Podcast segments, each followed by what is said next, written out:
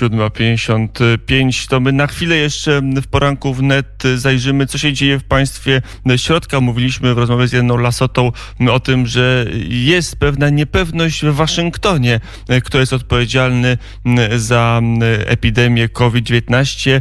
Na pewno jest to rząd chiński, tylko jest niepewność w jakim zakresie, czy z braku informacji, czy z celowego wypuszczenia wirusa.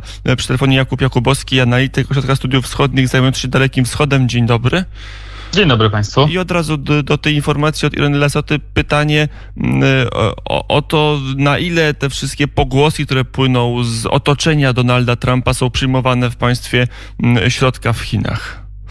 Na pewno jest poczucie, że ten nieformalne zawieszenie broni z początku stycznia, ono już jest martwe i zerwane. E, Xi Jinping z Trumpem rozmawiał jeszcze w marcu o tym, żeby wstrzymać się najbardziej zjadliwe ataki wzajemne na siebie, natomiast dzisiaj Chińczycy, tak jak i Amerykanie, już nie mają e, tu większych ograniczeń. O czterech dni w chińskich mediach e, sekretarz stanu Pompeo jest przedstawiony jako wróg publiczny, wróg ludzkości.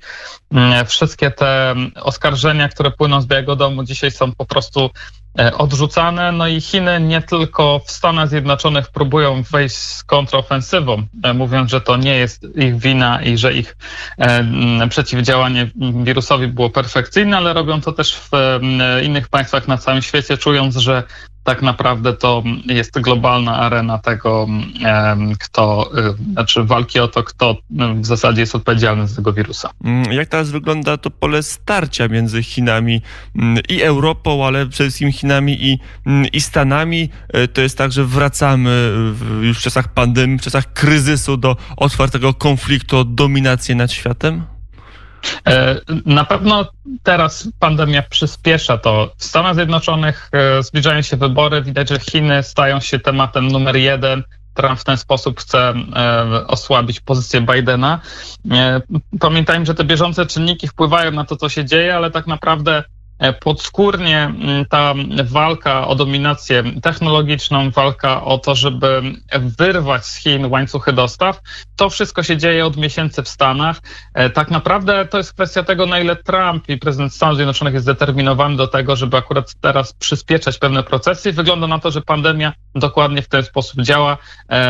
Dzisiaj amerykańska administracja powiedziała, że przyspieszy znacznie wszelkie działania właśnie wyrywające łańcuchy dostaw e, z Chin. Także absolutnie to jest czynnik, który teraz przyspiesza bieg wypadków. E, a ta relacja Unia Europejska-Chiny, e, tutaj też się odgrywa rywalizacja, czy, czy jednak ten stary kontynent, który miał no, taki okres dobrych kontaktów, także nasza część Europy z Chinami cały czas te dobre kontakty stara się utrzymywać?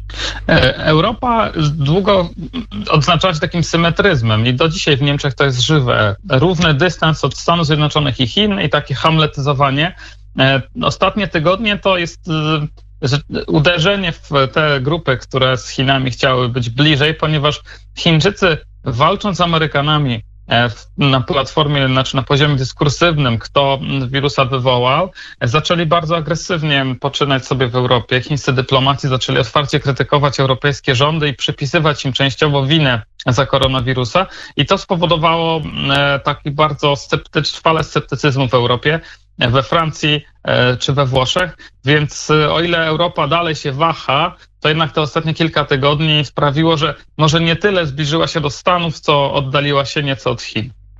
E, a same Chiny, jak teraz sobie radzą. Państwo, które pierwsze było dotknięte pandemią, e, państwo, które jedno z pierwszych ogłosiło tych dużych, wielkich mocach gospodarczych, że e, z pandemią wygrało. Mm, e, teraz już fabryki są otwarte, już produkcja w Chinach, oczywiście eksport jest kłopotem, ale sama produkcja wróciła do normy?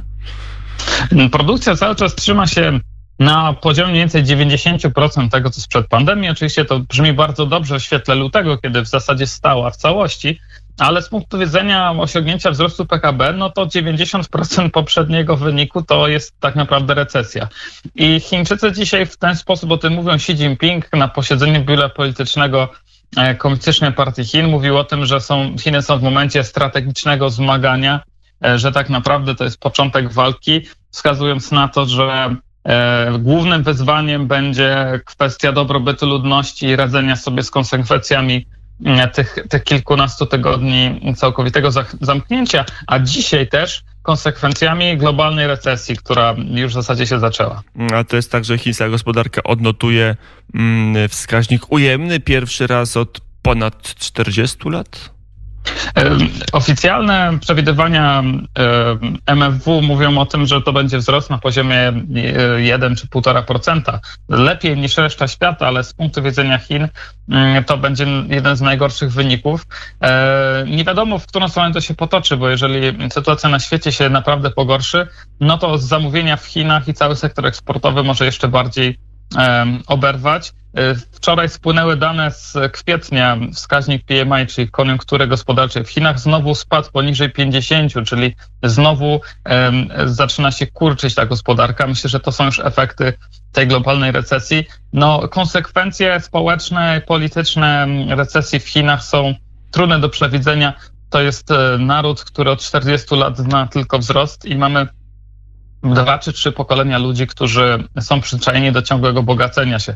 E, to jest wielkie wyzwanie polityczne dla partii. Widać, że partia widzi te problemy na horyzoncie z jednej strony próbując rozwiązać ten problem gospodarczy, z drugiej strony zacieśniając kontrolę nad społeczeństwem i wprowadzając takie quasi-totalitarne metody kontroli społeczeństwa. Tu już ostatnie pytanie o wymiar medyczny. Pandemia jest w Chinach opanowana. Jak e, wygląda? Bo niektórzy mówili, że mamy do czynienia z drugą falą epidemii. Ona się pojawia w ogniskach pewnych e, przy granicy z Rosją, w niektórych miejscach wewnątrz Chin.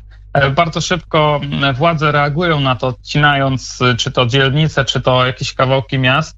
W skali tego kraju ona wydaje się opanowana, aczkolwiek tutaj też kierownictwo chińskie, przywództwo partii mówi cały czas o tym, że nie można opuszczać gardy apeluje do lokalnych władz, na których spoczywa odpowiedzialność za walkę z wirusem, o to, żeby e, raportować jak najszybciej i jak najszybciej reagować.